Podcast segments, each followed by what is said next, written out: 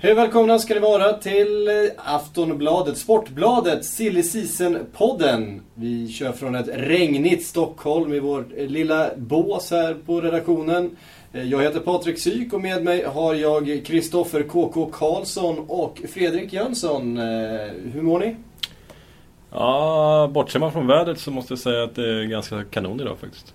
Ja, härliga tider. Samma. Det smäller till höger och vänster på transfermarknaden. Ska vi börja med att riva av ett par som eh, har bekräftats? David Villa för en spottstyver till Atletico Madrid. Ehm, det kändes som en prislapp som, ja, typ en Tottenham mer än gärna hade dubblat eh, utan problem. Men vad tror ni ligger bakom att Atletico kan se upp en sån, vad det verkar på pappret i alla fall, drömdeal? Ja, eh, det verkar ju som att eh, Via ville stanna i Spanien och då är eh, att han har fått ett bra intryck av Simeone säger han och det var där, därför valet föll på Madridklubben. Och som sagt, väldigt intressant värvning till den prislappen. Men sen så ska man också ha i åtanke att vi har en, en hög lön. Han satt på en jättehög lön i, i Barcelona, vilket var en av anledningarna till att man ville göra sig av med honom. Så man ska inte stirra sig blind på prislappen. Man kommer behöva lägga ner mycket pengar på lönen där för den här 31-åringen. Sen tror jag att eh, det gör ingenting för Barcelona heller att hålla en bra relation med, med Atletico Madrid. Eh, sen ska det bli spännande att se om man kan komma tillbaks där som man, som man eh, en gång hade i sig. Eh, och de målen han gjorde och behålla Atletico Madrid ja, sin defensiv och han kan hitta målet så kan det ju ändå bli en, en trevlig säsong för honom. Om man ser positivt på utvecklingen och att han inte blir kvar på där han var i slutet av sin tid i Barcelona. Absolut. Atletico, eh, han är inne på det också via att det, det är en vinnarklubb och det får man väl ge honom. Ti- Titlar vinns lite då och då så eh, ja, jätteintressant. Mm. Spännande. Något som eh, också är klart, det blev klart, det för en liten stund sedan här på onsdagen och det är att Leonardo lämnar PSG. Väldigt spännande när en av de sportcheferna med störst plånbok helt plötsligt väljer att... Så vi kommer ihåg att han är ju avstängd faktiskt.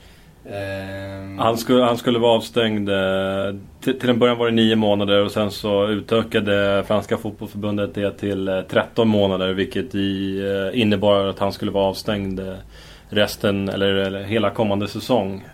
Så helt oväntat är det väl inte att han avgår även om man kanske skulle gissa att PSG skulle vara de som gav honom dojan istället. Men det här är alltså på eget bevåg eh, som han eh, lämnar sportchefsrollen. Och det blir ju lite lustigt i alla de här Cavani-ryktena som har varit. Det har hetat att han... Igår hette det att han skulle bli klar inom ett par timmar senast eh, dagen efter, alltså idag. Eh, och idag så uppgav eh, Le Parisien på morgonen att eh, Cavanis agent var i Paris för att göra klart affären.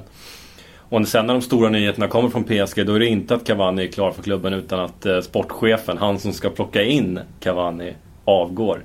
Eh, li, lite grann av ett dråpslag för klubben och eh, det, eh, det skapar ju stora frågetecken om vad som händer eh, kring, eh, kring PSG vad gäller värvningar i sommar. Det här är alltså en, en kille som ska fortsätta jobba till transferfönstret stänger. Och, eh, och det är han, alltså han som ska plocka in stjärnor till PSG. Jag vet inte hur man tänker som spelare när, eh, när, när man närmas av en eh, kille som in, inte kommer vara klar, kvar i klubben när man väl ansluter sen. Alltså, det blir ju det blir ju så, det blir konstigt för Leonardo att försöka övertyga någon om hur, hur bra det är i PSG när han själv ska sticka om, vad blir det, en och en halv månad. Projektet PSG har ju fått två rejäla smällar kan man ju säga. när man med Ancelotti och, och nu, eh, nu Leonardo. Eh, sen är det klart att man kan fylla de luckorna om man gör tunga värvningar och Cavani är ju en sån. Så att, eh, men jag håller med KK om att eh, det sänder inte så bra signal. Att när man väntar på en stor, stor värvning så är det istället sportchefen som går ut och säger att han inte vill vara kvar. Eh, Men det här kanske man han kanske har sytt ihop Cavani-dealen och det han har väntat på att den ska bli klar och så kan han då eh, uppge det för då känner han ändå att han har eh, på fötterna att lämna. Precis. Det ska väl vara så också att han inte heller är nöjd med Laurent Blanc. PSGs val av Laurent Blanc. Så att det, det verkar som att det är väldigt många i PSG som är missnöjda med valet av Blanc. Och samtidigt i den här härvan så verkar ju Thiago Silva ha kommit överens med sina personliga eh, kontraktsdelar med Barcelona. Mm. Alltså klubbarna är inte överens, de har nog inte ens eh, satt sig ner och diskuterat än. Men, men eh, Thiago Silva själv ska vara överens med Barcelona om ett kontrakt där mm. nere. Mm. Eh, och det sätter ju förstås press, även om det inte är en eh, formell transferansökan. Så, eh, så det är klart att det, det är uppenbart vart han vill och det är uppenbart vad Barcelona vill. Ja, Leonardo som, som själv är brasse har ju byggt det här äh, laget lite grann, äh, eller ganska mycket, äh, med en sydamerikansk stomme med spelare som Lavezzi, Pastore, Silva och Lucas Mora. Och när äh, Leonardo nu försvinner så, så är det klart att det, det är ingenting som sydamerikanerna jublar över. Spelarna som har plockats in av äh, Leonardo. Så Nej, jag, eh, hade jag varit PSG-support hade jag blivit orolig för vad som händer med till exempel, eh, eller främst, Thiago Silva. Mm. Ehm, kommer det komma in någon och ersätta honom på sportchefsrollen? Jag tänker mig en eh, Gus Hiddink till exempel. En erkänt eh, duktig både tränare och sportchef med bra kontaktnät. Känns som någon som PSG kanske skulle kunna vara beredd att erbjuda en stor plånbok Precis. Hur, hur som helst så behöver de ett starkt namn. Mm. Med tanke på hur det blev med tränarvalet. Där blev det väl Ja, det hette väl åttonde valet. Men sen mm. vilket val det var det vet vi inte riktigt. De kan ju ha försökt hur många som helst. Men det känns som att de måste ha... Ska de ha in en sportchef eh, efter att han nu har hoppat av mitt under cirkusen så känns det som att de måste ha ett starkt namn för att ja, spelarna i truppen ska liksom ja, känna förtroende och trygghet i att vara kvar i PSG som projekt. Så spontant känns Hiddink som, som ett ganska rimligt alternativ eh, om det gör. Mm. Sen ska vi komma ihåg det att någonstans skuggar ju det här ryktet då om att Arsène Wenger ska vara klar från till säsongen 2014-2015. Jag vet vad du tycker om det Fredrik, men det, det vägrar ju dö. Eh, du tror fortfarande att det bara är bullshit? Ja, så jag, den, det enda sättet jag kan köpa det på det var det som eh, KK snackade om i, när vi pratade om det senast. Att han skulle komma och, och bygga bygga om PSG eh, till en annan typ av satsning eh, för framtiden. Eh, men samtidigt så, ja, så ligger det där i bakhuvudet hela tiden att om, om man skulle han var ju ändå, vid ett tillfälle så var ju Wenger, eller Arsenal, eh, de köpte ju ändå ganska dyra spelare bakåt i tiden. Sen är det de senaste åren som det inte riktigt har varit så. Eh, sen finns det klart alternativ långt bakåt med Vera som köptes för en backläsk ungefär sen som när, när han kom och så vidare. Liksom. Så att det finns den typen, men det, det, tar ändå emot lite när jag tänker på att Wenger skulle bli någon som skulle komma till PSG och bara börja köpa spelare för en halv miljard.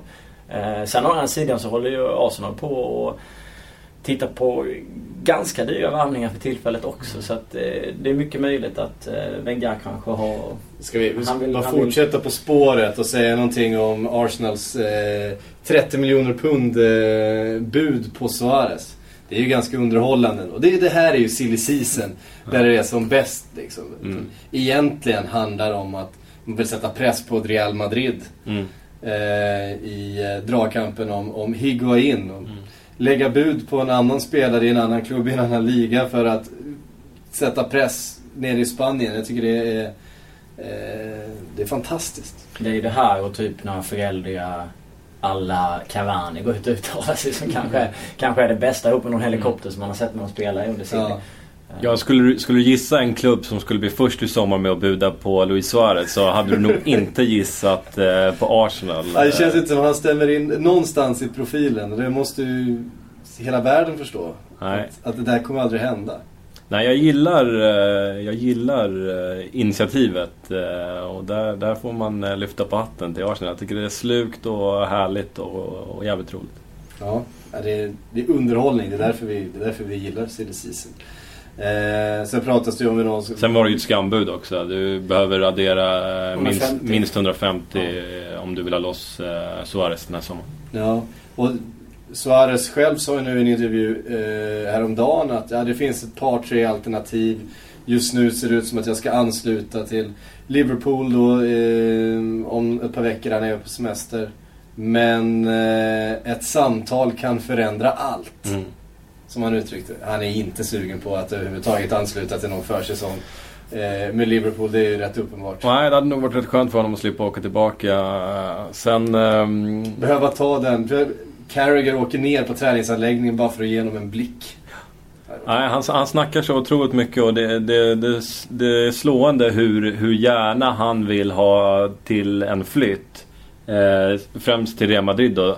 Och Suarez vill ju till Real Madrid Alltså i betydligt högre grad än vad Real Madrid vill ha Suarez. Absolut. För, för Real Madrid är Suarez förmodligen ett andra val, eh, någon slags backup-alternativ. Eh, och, eh, och Suarez har ju svalt där med hull och hår och, och möter upp intresset med Ja, stora, stora moves. Man börjar nästan känna att eventuellt, i och med att det drar ut lite på Cavani och det inte kommer bud från Real Madrid så känns det kanske som att Real Madrid håller på och försöker locka över mm. Cavani ändå mm. och är redo att öppna plånboken som, mm. som PSG har gjort. Mm. Uh, sen är det ju bara spekulationer men det börjar kännas lite så. Då är ju frågan vad som händer med Suarez. Vi har ju varit inne på det tidigare med Suarez att uh, blir han kvar så kommer han ju absolut uh, göra en bra säsong med Liverpool. Jag är övertygad om det för att han är den typen av spelare så jag tror inte han sätter sig och typ uh, gör, ja, gör någon konstig Carlos Tevez alla City i, i Champions League mot, mot Bayern München liksom, och sånt där. Utan jag tror att han kör liksom. Om han, om han är kvar. Nej, man får ju intrycket av att han är en extrem känslomänniska. Att han har svårt att hålla igen i intervjuer och sådana saker. Han verkligen känner så att han, han vill bort. Han vill spela Champions League. Han känner att han har kvaliteten för att spela med de absolut bästa lagen. Vilket han ju, vilket han ju har. Det är lustigt hur han eh, tidigare har snackat om att det är engelska pressen som han måste bort från. Han, han klarar inte av det längre. Och nu senast är det att han vill spela Champions League. Eh, och det är det som han helst vill åt. Så han är inte riktigt konsekvent i sin linje. Jag tror han är inspirerad av Mourinho. Mourinho sa ju i Spanien att det var den spanska pressen som han inte ville utan han ville till ställen han älskar. Och så menar han i Chelsea och sen, så, sen var det klart. Så att Suarez kanske försöker lära sig lite, ta från andra och, och bygga sin egen. Kvällisarna i London är så skonsamma. Precis. Intressant om, om Suarez också hamnar i Chelsea då. Eh, på tal om Liverpool så måste jag ju flika in att jag gillar det senaste ryktet med Milevski i Dynamo Kiev som kopplas ihop med dem. Mm. Uh, vi pratade om det lite innan uh, också. Han, när han var 21, 2006 mot Schweiz så gjorde han en Panenka. Man blev helt kär i honom. Sen känns det som att man har inte sett honom Nej. På, på sju år. Och sen så är han helt plötsligt på väg till Premier League när han, när han knappt har gjort en match förra året och mm. är typ Bosman liksom. Vi, Eller kommer ja, bli Bosman. Han, han blir Bosman, kontraktet går ut om två veckor. Och vi kan väl konstatera att han är väl ingen rak ersättare till det. Start, startade tre matcher för Dynamo Kiev eh, den gången i säsongen. Hoppade in sju. Lyckades inte göra något mål. Nej, det, det, har inte skrivits så mycket om Miljevski efter eh, Panenka-straffen. Men det känns lite som att det är den enda likheten de har kanske. Suarez skulle ju lätt kunna göra en Panenka också. Han mm. skulle kunna ha mm. liksom, det självförtroendet och sätta dit den. Så det är den enda likheten egentligen mellan de två. Det är lite skilda världar för innan eh, det här Liverpool-ryktet idag så har det ju hetat att han ska till eh, Livorno istället. Serie A-nykomlingen Livorno och att, att Liverpool skulle kliva på där istället. Det är lite skilda världar, måste man ändå konstatera. Ja, vart kommer ryktet ifrån? Eh, Sky Italia. Sky Italia. Så det är inte... De, de, det, det är inte... de skjuter ganska vilt ja, kan vi precis. Eh, konstatera. Jag gillar Milevski, använt honom på ett flertal tv-spel och alltid tyckt att han har varit fantastisk. Ja, jag vill minnas att han, att han är vass, eller han, bli, han blev vass på tidiga Football Manager-spel. Mm. Mm. Nej, eh, vad har vi mer? Cavani eh, i PSG där. Alltså, om vi kollar på uh, Mkhitaryan till exempel. Uh, klar för uh, Dortmund, klappat och klart. Det var ju en kille som var, han var i princip klar för Liverpool hette det i engelsk press i alla fall. Att han, han var på väg, han satt på flyget in för läkarundersökningen och grejer. Och, och där kom ju liksom rapporten om Dortmund sent in i bilden. Jag vill minnas att det var, att de kom ganska liksom Samtidigt som att han var på läkarundersökning i Liverpool så eh, eh, flöt det här Dortmund-intresset upp och sen två veckor senare så är han klar för Dortmund istället. Där, eh, sånt där är också sånt man älskar med silly season. När man tror att någonting är klart, det, eh, det är bara att stänga kapitlet och så vänder det sådär. Um, och kanske får vi se någonting liknande med Cavani. Vi får se. De har ju köpt, de har köpt Aubameyang och de har köpt han. Så de har köpt två rätt dyra spelare. Lewandowski mm. är fortfarande kvar. Mm. Eh, Dortmund har ju köpt väldigt billigt tidigare. Mm. Vi vet att de har knappt, deras lag har knappt kostat någonting överhuvudtaget. Är det här ett steg på att det finns pengar i klubben nu så att nu har mm. man Ja, nu vill man börja värva lite Det är tre jättevärvningar. Ja, mm. visst är det. Så det känns lite annorlunda med Dortmund. Sen ska inte jag ta bort ifrån alla de här värvningar som de säkert kommer göra framöver som är väldigt mm. billiga som mm. Klopp har plockat in. Liksom. Det känns ju ändå som att de, i och med att de kom de blev CL2 så har de en helt annan attraktionskraft och kan köpa dyrare och det finns också cash i klubben liksom, till att göra den här typen av värvningar. Och behålla spelare som Barcelona vill ju ha Hummels. Eh, och, och de behåller honom istället. Så det, det, det, känns som att det kan vara ett litet annat Dortmund kanske. Ja. Men eh, Lewandowski får man inte behålla. Där sa Klopp eh, igår tror jag det var att det är ett välkänt faktum att Robert spelar i Bayern München nästa säsong. Och, ja, där eh, försöker Klopp ta död på den där silly-historien, men det vet jag fan om vi tillåter. Men då är det nästa säsong, då spelar han ändå ett år till. Ja, exakt. Det är det, det, är det man är inne på nu. Mm. Och det är väl någonstans det han har, det han har Men jag, jag, jag blev lite överraskad av Klopps uttalande. Jag, jag, jag vet inte fan om inte jag hade sålt honom eh, i sommar istället för att ha, tvinga kvar honom ett år och sen släppa honom till Bayern München. Ja, och särskilt om man ska gå så billigt också. För då får de ju typ... Får de egentligen... Ja. ja, de får ju ingenting. Han, hans kontrakt går ut nästa sommar och då lämnar han för uh, Bayern helt gratis. Då, istället kan man få uh, säkert över 200 miljoner den här sommaren och slipper tvinga kvar en spelare uh, som ändå bara vill till konkurrenten. Alla de här typerna av uttalanden sänker ju alltid prislappen också. Mm. Alltså det blir det var lite som när när van Persie gick ut eh, förra sommaren och sa att han skulle liksom lämna allt det där. Där sjönk ju priset direkt. Än att Arsenal hade kunnat ta lite mer pengar. Nu fick de i sig ganska bra betalt ändå av United. Men det är ändå osmart att göra den typen. Och så är det tränaren i klubben som går ut och gör det. Det känns inte heller så, här, så briljant direkt. Nu skriver faktiskt, om jag bara ska ehm, återvända lite till, till uh, Suarez där. Nu skriver The Sun att Real väntas göra en slutoffensiv för att dra hem den signaturen. De, de ska vara beredda att sträcka sig till eh, 45 miljoner euro, alltså 40 miljoner pund ungefär. Och det är ju lite mindre än vad Liverpool har sagt att de ska vara beredda att släppa honom för. Frågan är om de får ett högre bud någon annanstans ifrån. Det kanske ligger egentligen närmare den gode Louis marknadsvärde. För man måste ju också räkna in att det finns avstängningar, det finns ett dokumenterat ganska dåligt beteende, eh, framförallt på planen.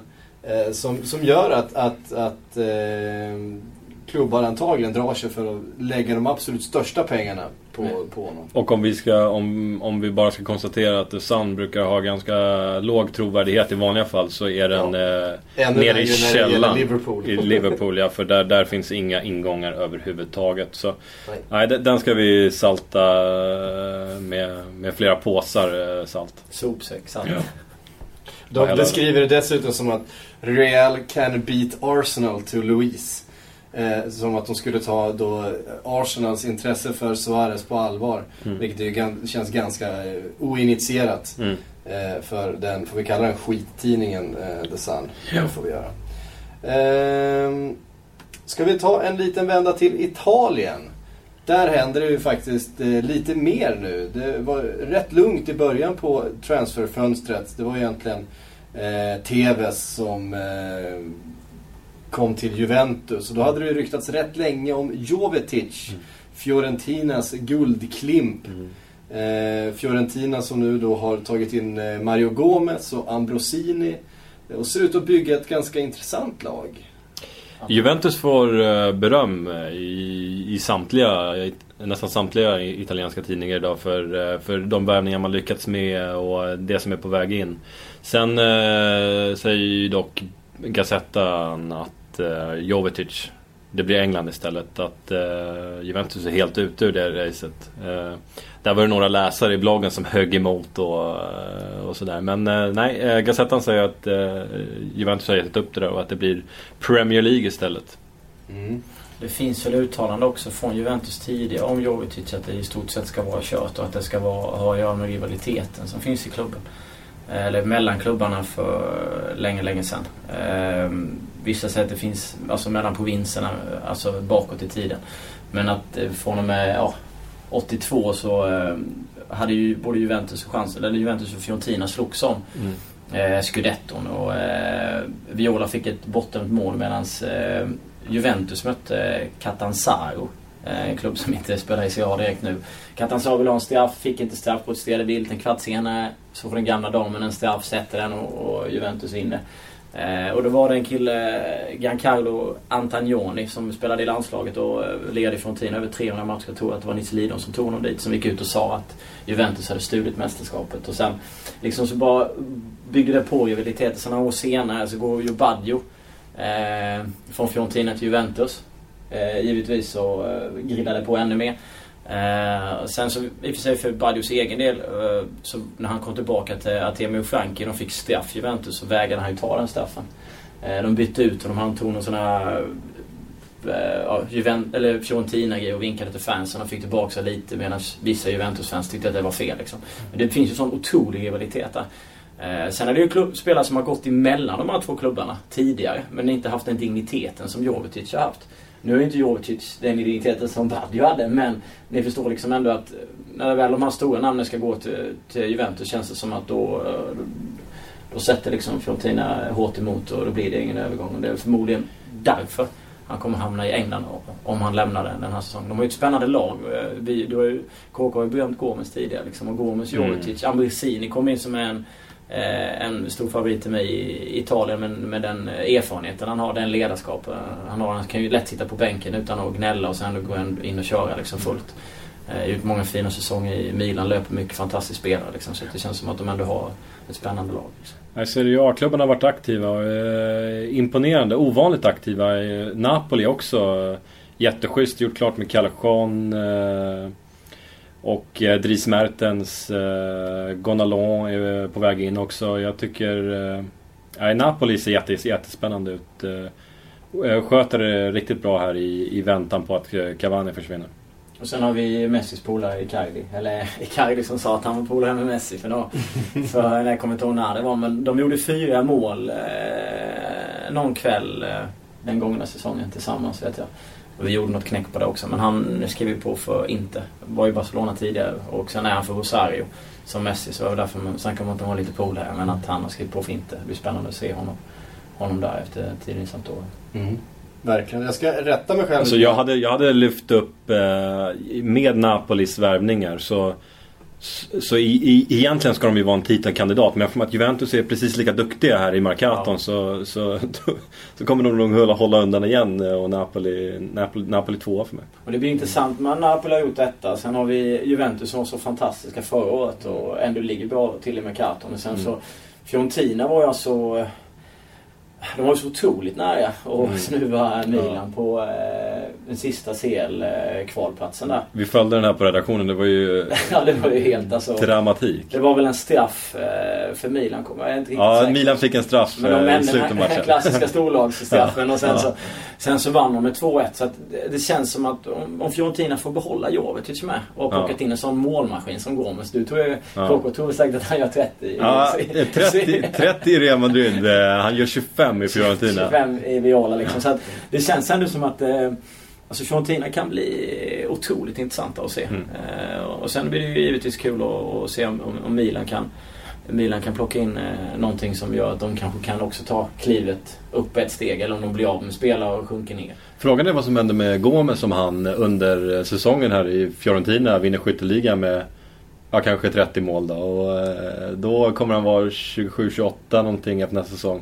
Är han då aktuell för en större klubb igen? För, för nu var det ju inga ordentliga och riktiga storklubbar som var intresserade. Men säg att han vinner skytteligan med Fiorentina nu då och är 28 om ett år. Då, då måste ju storklubbarna vara där och rycka. För jag tycker de har, de har gått miste om ett riktigt fynd där i, i Gomes. Och då blir det förmodligen inte Juventus med tanke på rivaliteten. Utan då, då kanske han hamnar någon annanstans i, i Italien. Juventus eller, eller vad säger Milan eller kanske. Eh, en annan rolig grej eh, från Italien som eh, vår eh, kära kollega Andreas Käck eh, precis skrev i bloggen. Eh, det är Roma som ju eh, har en liten spelarflykt nästan eh, på, på händerna. Eh, och det ska vara den här telefonintervju med radiokanalen eh, AS Roma Rad Radio. Eh, där någon av Roma-pamparna har blivit intervjuad, antingen Walter Sabatini eller Claudio Fenucci. Eh, som då blivit intervjuad och glömt lägga på telefonen. Aj, aj, aj. eh, resultatet, nu citerar jag bloggen. Nu vet hela fotbolls-Europa i detalj hur klubben resonerar kring flyttryktande spelartrion Osvaldo, Marquinhos och De Rossi. Och det är ju tre spelare som förstås Roma inte vill bli av med. Eh, Framförallt kanske Marquinhos. Han är, han är ju lite grann döpt till den nya Thiago Silva. Och har ryktats till Barcelona i deras eh, jakt på mittbackar. Jättespännande spelare. Har varit eh, väldigt bra när han fått spela i, i, i Roma i år. Sen, En eh, liten favorit. Den som de, jag kan tänka mig kan tappa mest är nog Osvaldo. Det känns som att det har blåst lite runt honom under, under hans tid i Roma. Sen är det någon av de tre som de kan, kan tänka sig släppa med Roma-hjärta så skulle det vara han. Men vad händer nu då? Eh, ja, det står här då. Jag, det är första gången jag läser det. Eh, för det kommer efter vi, efter vi satte oss i, Så- i, i båset. Så är det i still season, det Så smäller till. är det i se- se- se- precis. Men... Och eh, Osvaldo ska då eh, ha blivit beordrad att infinna sig i träningsanläggningen första dagen på försäsongen. Något som han inte vill själv utan vill ha lite längre semester. Ja, stjärnorna ska ha det. Ja, då ska jag ju då eh, vilja stressa Osvaldo till att acceptera det 200 miljoner kronor eh, stora budet från Southampton som han själv tidigare nobbat. Eh, och Roma vill då gärna att han accepterar det här och får in de här, eh, ganska, den här ganska stora summan pengar för Osvaldo. Eh, Marquinhos skulle säljas omedelbart om någon klubb erbjuder 25 miljoner euro. Eh, Han är 19. han är 19 år gammal, 25 miljoner för en 19-åring är otroligt mycket pengar. Eh, men det är något som strider mot de tidigare uppgifterna att Roma skulle ha vägrat sälja Marquinhos. Alltså det finns, Mm. finns en prislapp på alla, det har vi lärt oss. Ja. Tal om Roma så har vi Kevin Strottman, heter han det? Strott- Kevin Strootman. Strootman från Mm. PC som Mm. uppges eh, vara intresserad av att eh, eventuellt plocka in. Frågan är vilken prislapp det hamnar på där. Det kan nog bli ganska mycket pengar. Han är bara 23 år gammal. ja, jag tror att det är 23 miljoner euro någonstans. Gjorde ju ett fantastiskt U21-EM eh, nu för inte så många veckor se- sedan. Mm. Och, och eh, framförallt i början av den turneringen eh, var en av de stora namnen. Och Genombrott pratades det om där och att Manchester, Manchester United var ute efter honom och så vidare. Precis. Sen har det väl svalnat lite grann där i, Mm. efter att turneringen tog slut och Holland eh, åkte ur då va. Men, men eh, ändå ett spännande framtidsnamn. Ja, eh, Manchester United var nog aldrig riktigt aktuell. Han har ju sagt här eh, i dagarna att eh, det finns intresse för honom. Men inte från någon av topp 6-klubbarna i världen. Så då kan vi ju nog räkna bort eh, Manchester United-intresse. Mm.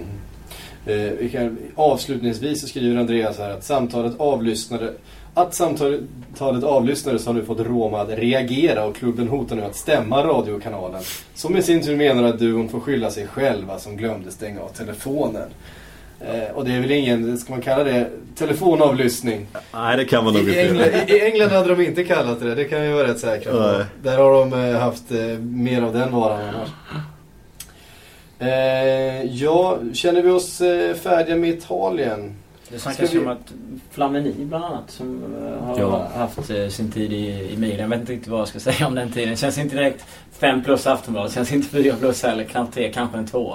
Ja. Fram och tillbaka lite men det snackas om att han vill eh, återvända till, eh, till Premier League. Ja, han ska ju ha sagt det själv här i en eh, intervju i The Sun idag. Ja, precis. Och, och jag, jag reagerar på, på hans uttalande. Han, han menar att han, han, han är inte riktigt färdig i England. Han känner att han, han har saker kvar att uträtta. Han vill spela i Premier League och vinna titlar.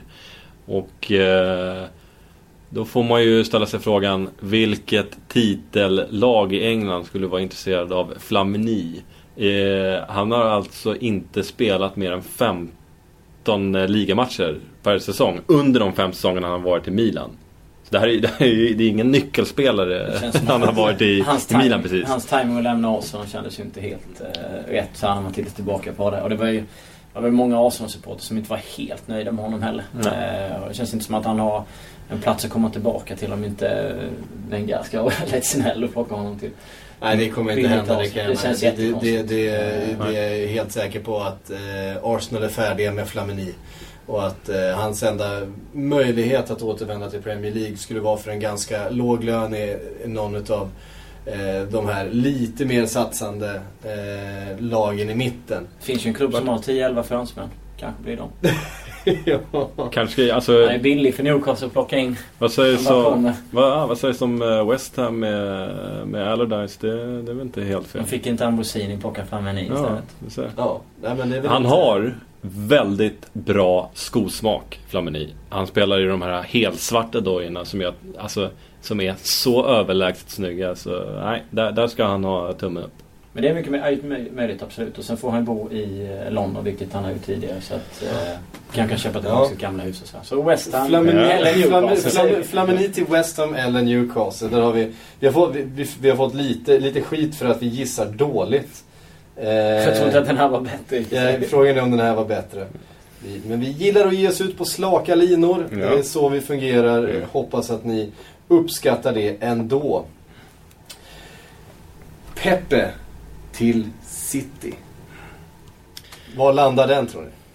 Ja, jag tycker den är intressant. Speciellt om man kollar tillbaka på Pellegrinis historia i eh, Real Madrid.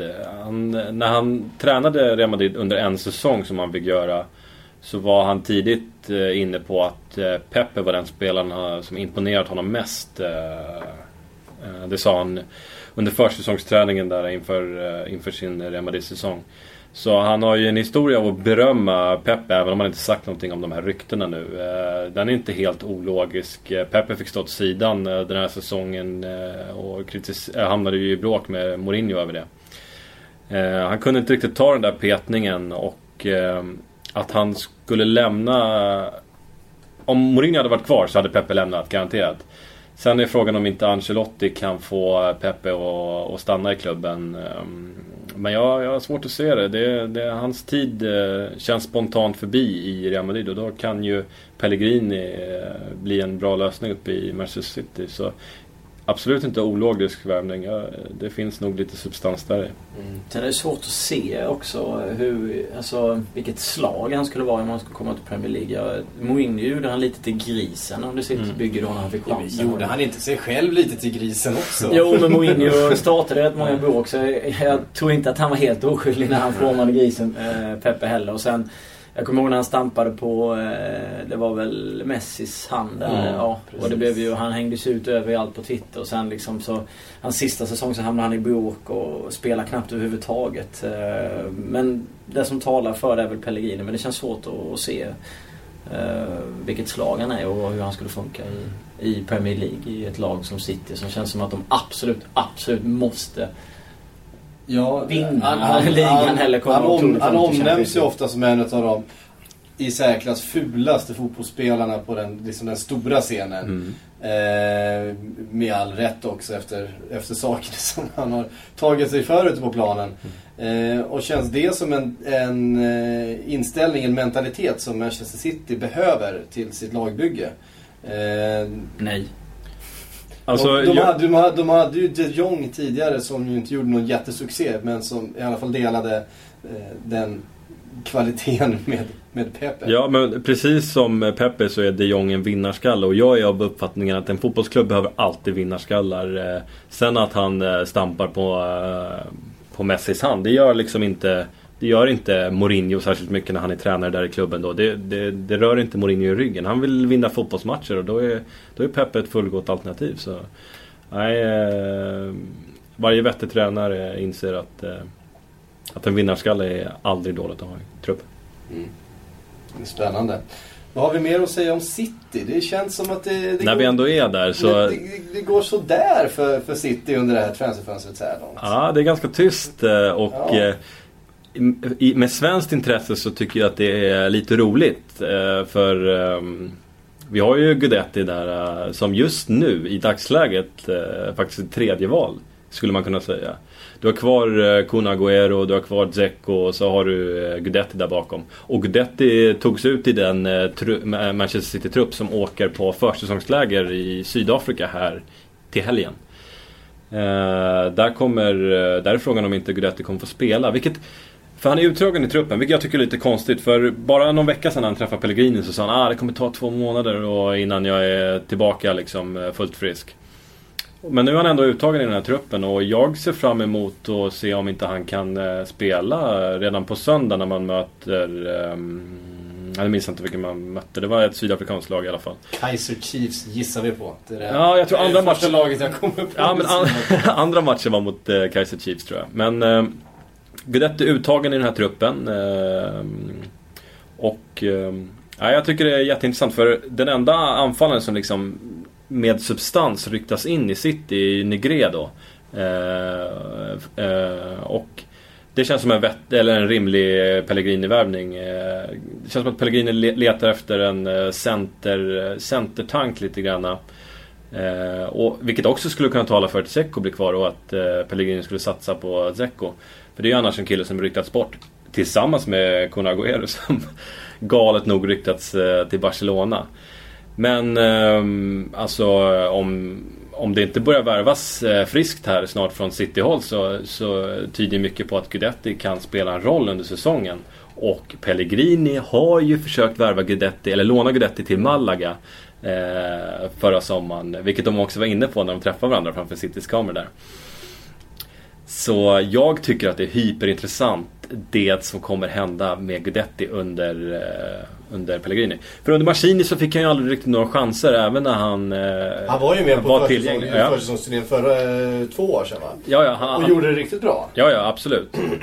Men när det har hettat till så har så har faktiskt City-fans varit lite upprörda på Mancini över att Guidetti inte fått chansen i, i tävlingsmatcher med, med A-laget. Och man, när, följer man bara City-fansen eh, på Twitter eh, den här sommaren så är det jättemånga som är supertaggade på att se Gudetti spela och få chansen. Och, eh, alltså, jag får intrycket av att man skriker inte så mycket efter, efter en storvärvning i anfallet. Lika mycket som man skriker efter att nu jävlar får uh, Gudetti chansen. Uh, jag är jättespänd verkar supportrarna vara på John Gudetti och uh, Ja, jag tycker det, det ska bli kul att följa. Och vi vet ju potentialen som finns mm. i, i den kroppen. Eh, den där säsongen i holländska ligan. Mm. Eh, om inget annat. Fortsätter han, vara, fortsätter han vara skadad resten av karriären så kommer han alltid ha med sig. Att han, säsongen i Feyenoord. Säsong, säsongen i Feyenoord och hans hattrick i hattricks. Ja.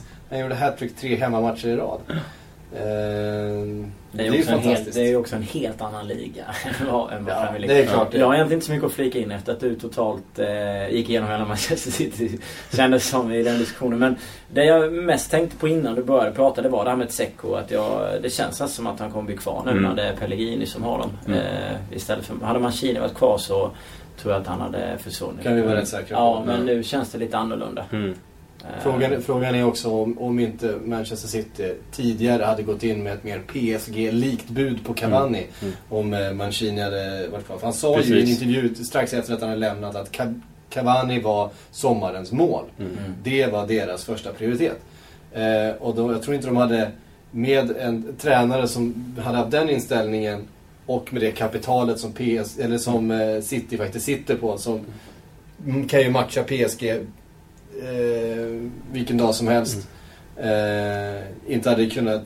Det hade, de hade inte låtit PSG kliva in och, och, och, och, ta över den värvningen på det sättet som man nu har gjort. Vilket väl tyder på att Pellegrini inte har haft riktigt samma ambition gällande eh, Edinson.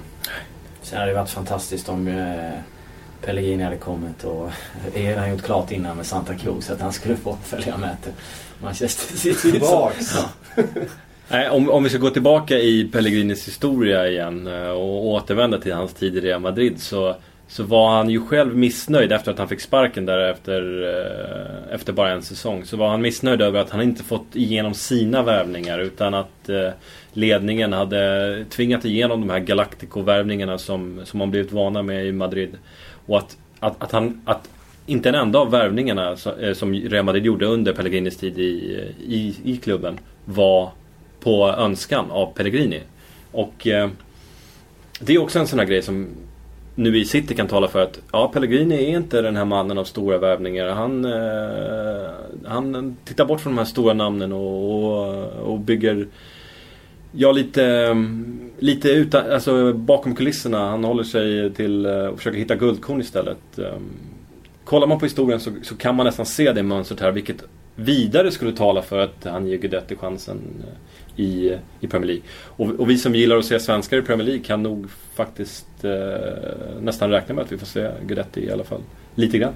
Och ett City i form med fart och fläkt med, alla, med all den här kvaliteten som de bakom ett anfall kan ju faktiskt mm. göra Petar han in något mål när han hoppar in så kan det ju faktiskt bli en jävligt rolig säsong. Ja. Eh, för att han har ju, han har ju, han har ju målsinnet absolut. Ja. Eh, Och det är en, det är en, eh, ett lag, en formation som ju påminner om det Feyenoord där han var så framgångsrik. Mm. Det var väl en, av anledningarna till att han lånades ut just dit också. De Ja. ville, de ville utveckla honom och testa honom i, i ett, helt enkelt i ett lag och ett spel som liknade det eh, Manchester City som han ju tillhör. Och när man är inne på Guidetti i City ska man också nämna Dennis Suarez som också är en jättetalang i City. Supportrarna är jättesugna på att se båda de här som kommer från akademin. Efter alla storvärvningar som har varit så, så jag tror jag supportrarna är väldigt sugna på att se vad, vad man kan eh, åstadkomma själva istället för att köpa in. Så nej, mycket spännande. Mycket spännande. Vi får ju förstås väldigt mycket frågor om Arsenal. Ni, eh, och vi säger så här, de två största supportergrupperna som hör av sig hela tiden det är Arsenal och det är Liverpool. Ja. Eh, så pratar vi väldigt mycket om eh, Chelsea och Manchester City. Men eh, Arsenal, där det pratades om att den här sommaren skulle det spendera stora pengar och ehm, Det är inte för sent. det, är, det är inte för sent. Men någonstans börjar, börjar man ju känna att det, det, är- att det är en Arsenal-sommar igen. Eh, man vill inte... Nu kommer ju visserligen det här Suarez-ryktet som vi inte ska ta på något större allvar. För jag tror Nej. till och med om Liverpool hade sagt ja så hade de sagt ja, Ah, vänta nu. Vi, Nej, men då hade man ju backat jag, ur... jag, jag tror eh, till och med att man hade backat ur den affären om... om eh, Ja, ja, då hade det hetat att Suarez krav är orimliga. Vi kommer inte överens om en personlig kontrakt. Nej, precis. Någonting i de banorna. Men vad kan vi säga om Arsenal? Det är ju Higuain. Och vad trötta vi är på att prata om den här Higuain. Men eh, det har ju inte hänt så Faktum mycket. är att det inte har hänt mycket alls eh, vad gäller eh, sånt som talar för en affär. Ass har varit ute och vevat lite grann om att Ancelotti, nej nu ska han banne mig eh, försöka övertala Iguain att vara kvar. Men eh, det ska man också ta för vad det är. Men faktum är att det, det kommer inte så mycket nytt vad gäller, eh, vad gäller att Iguain kommer närmare Arsenal. Det, och som vi har varit inne på tidigare, alltså det, det blir viktigt för Arsenal att säkra upp Iguain tidigt. För det här är ett eh, transferfönster där de absoluta storklubbarna letar världsanfallare. Och, och om, om, det, om planer går i kras i de absoluta storklubbarna så, så kommer, kommer de att titta på alternativ som Iguain som ligger lite grann bakom där.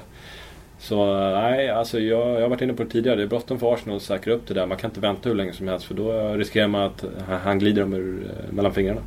Men Han verkar ju inte 100% sugen för då hade han väl redan skrivit på. Ja men det handlar ju om att... eh, Eller vill han vänta på alternativ? Ja, Arsenal ska komma överens eh, med, med Real Madrid också. Man vill ju förmodligen eh, ha ner prislappen så, så lågt som möjligt. Vilket... eh, Ja, det finns inte hur mycket tid som helst som sagt. Det kan bli deras fall helt enkelt. Ja, absolut. Eh, ska vi flika in här också när vi är i norra London. Att eh, Tottenham som ju såg ut att ha värvat de här två kroatiska eh, supertalangerna. Eh, verkar Mini, inte bli av. Verkar inte bli av. Eh, kom inte överens. Nu föll namnet eh, på den här ynglingen som gjorde... Halilovic. Eh, precis, Mm. Halilovic. Eh, kunde inte komma överens med Halilovics föräldrar, hans familj. Familjesituationen eh, stoppade den affären trots att klubbarna var överens. Eh, och nu är frågan om han då blir kvar. Han är ju trots allt bara barnet. Ja, han är väl 15 Eh. eller 16 va? Ja, 16 ja. Mm. Eh, Zlatan, eller vad säger jag? Arsenal ska väl vara intresserade av honom också. Ja, en, en 16-årig supertalang. Det Mm. kan vi ju räkna med att han, att han är väl, pengar. väl, välscoutad. Scoutad ja. Ja. Spelade mot Zlatan i Champions League i år va? Ja. Halilovic, ja. Ja. Eh, och sen den stora då i England. Eh, om man nu ska knyta ihop Premier League-säcken. Det är ju vart ska Benteke hamna?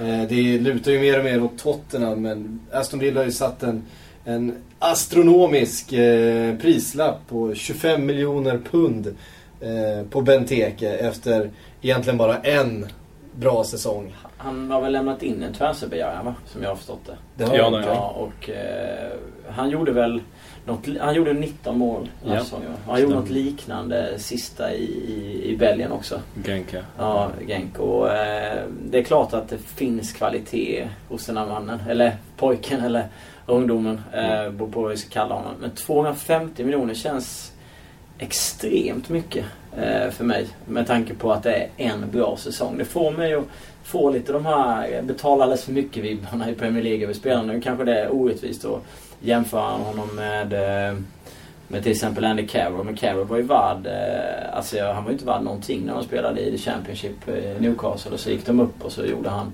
bra ifrån sig och sen betalade ju eh, Liverpool i panik. Eh, I alla fall eh, kanske 200 miljoner för mycket. Med honom eller 150 i alla fall. Eh, men det var sedan sista minuten och, och det känns lite som att nu kommer säkert Benteke bli kanon den här säsongen nu när han sitter och säger detta. Men 250 miljoner känns lite mycket för honom. Med tanke på att han har varit bra en säsong. Alltså, I engelsk press heter det att det står mellan Chelsea och Tottenham. Mm. Men agenten säger till, eh, till någon belg, belgisk tidning, nu minns jag inte vilken det var, att eh, Chelsea är lika troligt som att han går till eh, vad heter de? Turks Rangers. Det är ett amatörlag i Belgien har jag fått lära mig. Eh, så ska man tro det så, så, så, så, handlar det om Tottenham och att det för Tottenham nu återstår att, eh, och för Daniel Levy, ordföranden, stenhårt förhandlare, att få ner det här priset. Att mm. äh, vänta ut Aston Villa. Även, även, Liverpool har varit där och han har sagt nej. Mm. Det, det, är inte intressant. Det, han, är, han är själv genuint intresserad, bara intresserad av att gå till Tottenham. Precis. Och det är ju intressant av en, av en ung belgare att vara så specifik i sina krav att han tackar nej till Chelsea då framförallt. Ja. Som ju kan erbjuda någonting som Tottenham inte kan göra. Mm. Nämligen Champions League-spel. Men de kan eh, inte, Men inte garantera en startplats. Precis. Därför, eh, därför faller valet på Tottenham. Ehm, men speltid har han ju fått i Liverpool också så där ligger ju någonting annat bakom. Ehm, nej, han är, han är inriktad på, på Tottenham. Och den här transferbegäran kom ju lite grann som... Inte, kanske inte riktigt som en blixt från en klar, klar himmel, men lite oväntat var det ändå. För... Eh, det fanns ju citat tidigare som var i den åt det hållet. Men ja, men då hette det liksom ah, de, är för, de är förfalskade och det där ja. stämmer inte alls. Men då var det Arsenal. Och, Ja exakt. Ja, det var Arsenal uh, Och då var det liksom, då var Aston Villa-fansen upprörda. Nej, uh, Benteke ska ingenstans liksom. Uh, men, uh, men nu har vi det på papper han, han vill bort och han ska tydligen Han ska tydligen ha blivit illa behandlad av Standard Liège. som ville låna ut honom när han var yngre. Och eh, sen dess så ska han enligt agenten då ha bestämt sig för att han bestämmer själv över sitt öde i framtiden. Han ska inte låta eh, klubbar eh, bestämma över honom. Och nu har han tydligen bestämt sig för att det, det är dags att styra skutan vidare. Mm. till, för, till Tottenham. Han kanske inte gör samma resa som Lukaku gjorde till Chelsea när det blev utlåning. Och Tottenham är, Tottenham är en klubb som är på jakt efter anfallare. Mm. Två stycken gärna. Så, så där... Jag vet att det alltså, finns plats för honom. Där. Tottenham vill ha honom men eh, man måste få ner prislappen. Det är för mycket pengar. Hur, hur, hur många sådana här unga stjärnor ska Belgien producera? De tar mm. aldrig slut. Nej. Vad är det som händer? Nej, det där, eh, det belgiska fotbollsundret. Eh, de... De lyckas eh, integrera, integrera eh, invandrande ungdomar, unga pojkar jätteväl inom fotbollen på ett liknande sätt som Norge faktiskt har gjort. Norge har varit utmärkta och det ser vi i U21-EM också hur, hur bra det går för dem. På ett sätt som Sverige inte alls eh, har lyckats med och jag tycker de, de, har fått någonting rätt och det, det, det är dags att, att, gräva lite grann i vad, vad, vad Belgien har lyckats med egentligen för det är alldeles mm. fantastiskt.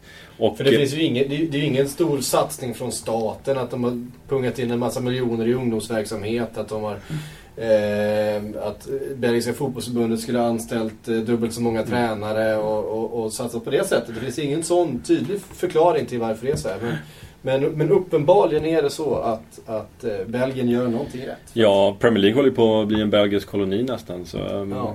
Vi börjar väl i Sverige bli lite bättre på det ändå. Jag kan tänka mig, bakåt i tiden så var det ju eh, var vi ju ännu sämre. Vi börjar bli lite bättre. Absolut. Vi har ju mil kvar till Belgien. Ja, absolut. Helt annan nivå. Å andra sidan kanske inte den enorma talangen finns i Sverige. Eller det är svårt att säga att vi skulle ha samma talang, talanger springande runt i Sverige som det finns i Belgien. Ungefär lika många invånare i Belgien, ja, och, ja, i Belgien och Sverige. Eh, liknande förutsättningar skulle man ju kunna tycka. Eh, Belgien har ju ingen, ingen jättevass liga heller, även att den är bättre än Allsvenskan förstås. Men, eh... Nej, och när vi snackar fotbollskultur också, landets fotbollskultur. Eh, jag kan inte säga att fotbollskulturen är mycket större i Belgien än vad den är i Sverige. Eh, kollar du på ett Uruguay till exempel som bara har 3,5 miljoner invånare. Där är ju fotbollskulturen enorm och därför kan man få fram jättebra spelare. Eh, fotbollskulturen är mycket större i Uruguay än vad det är i Sverige och därför så, så, så får man fram bättre spelare. Men eh, Belgien är, är, ser jag på ungefär samma nivå som Sverige i den frågan.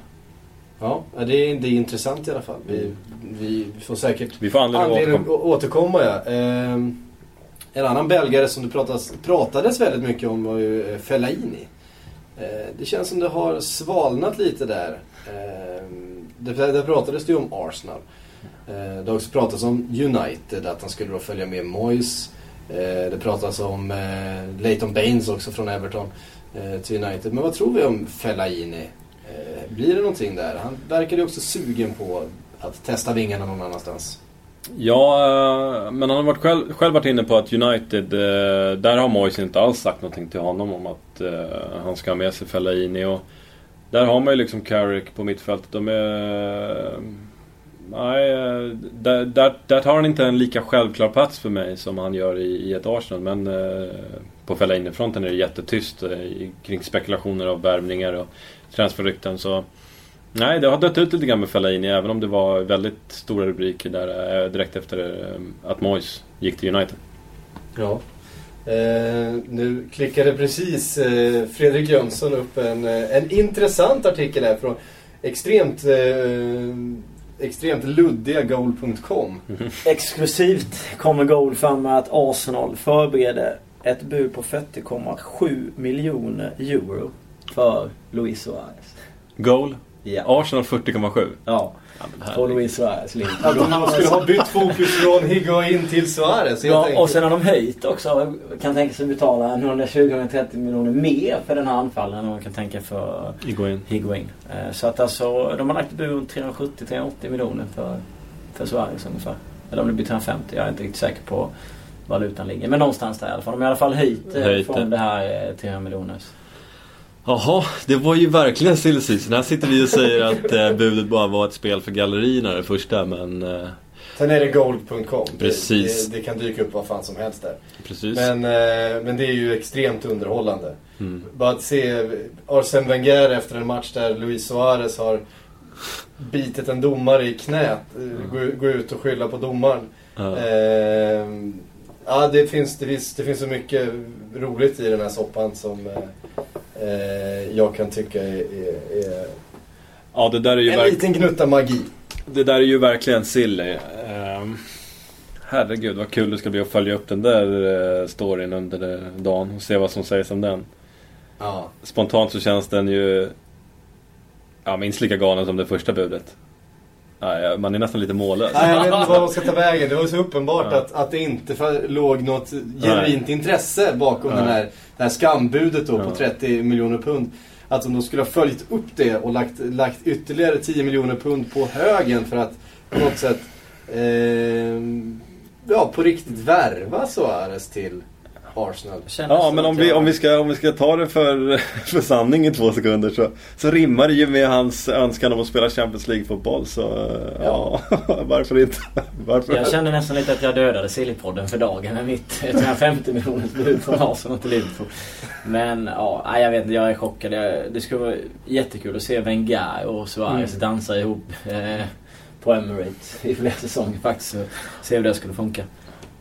Eh, är det något ytterligare rykte som eh, vi ska ta upp här före vi stänger butiken? Eh, som det så klyschigt eh, uttrycks av programledaren här. Ehm, nej, det var, det var knäpptyst. Jag tror att vi, var, vi, vi väntar in och ser vad som händer med... Ja, jag är fortfarande mållös efter det här med Arsenal. Det ska följas upp omedelbart. Ja, verkligen. Eh, mycket intressant. Vi är mitt i, i en, eh, kanske den mest intressanta veckan eh, på Silly Season så här långt, kan jag tycka. Ja, vi döpte det till eh, Silly Super Tuesday igår här på sajten och det, det var det allt. För det var eh, massor med Det var David Luiz, bud från Barcelona, det var bud från Barcelona på Kun Agüero. Det var, det var allt möjligt under gårdagen. Mm. Eh, och med det så tackar vi från eh, Sillypodd-redaktionen den här gången. Eh, nu går jag på semester. KK, du kommer ratta framöver. Jajamän. Jönsson hänger på. och vi fortsätter. Vi har en stor, väldigt härlig Sill-redaktion som jobbar stenhårt med bloggen. har örat mot marken och har stenkoll på allt som händer här ute. Så Häng med oss både på bloggen och podden som återkommer nästa vecka igen. Tills dess, ha det så fint.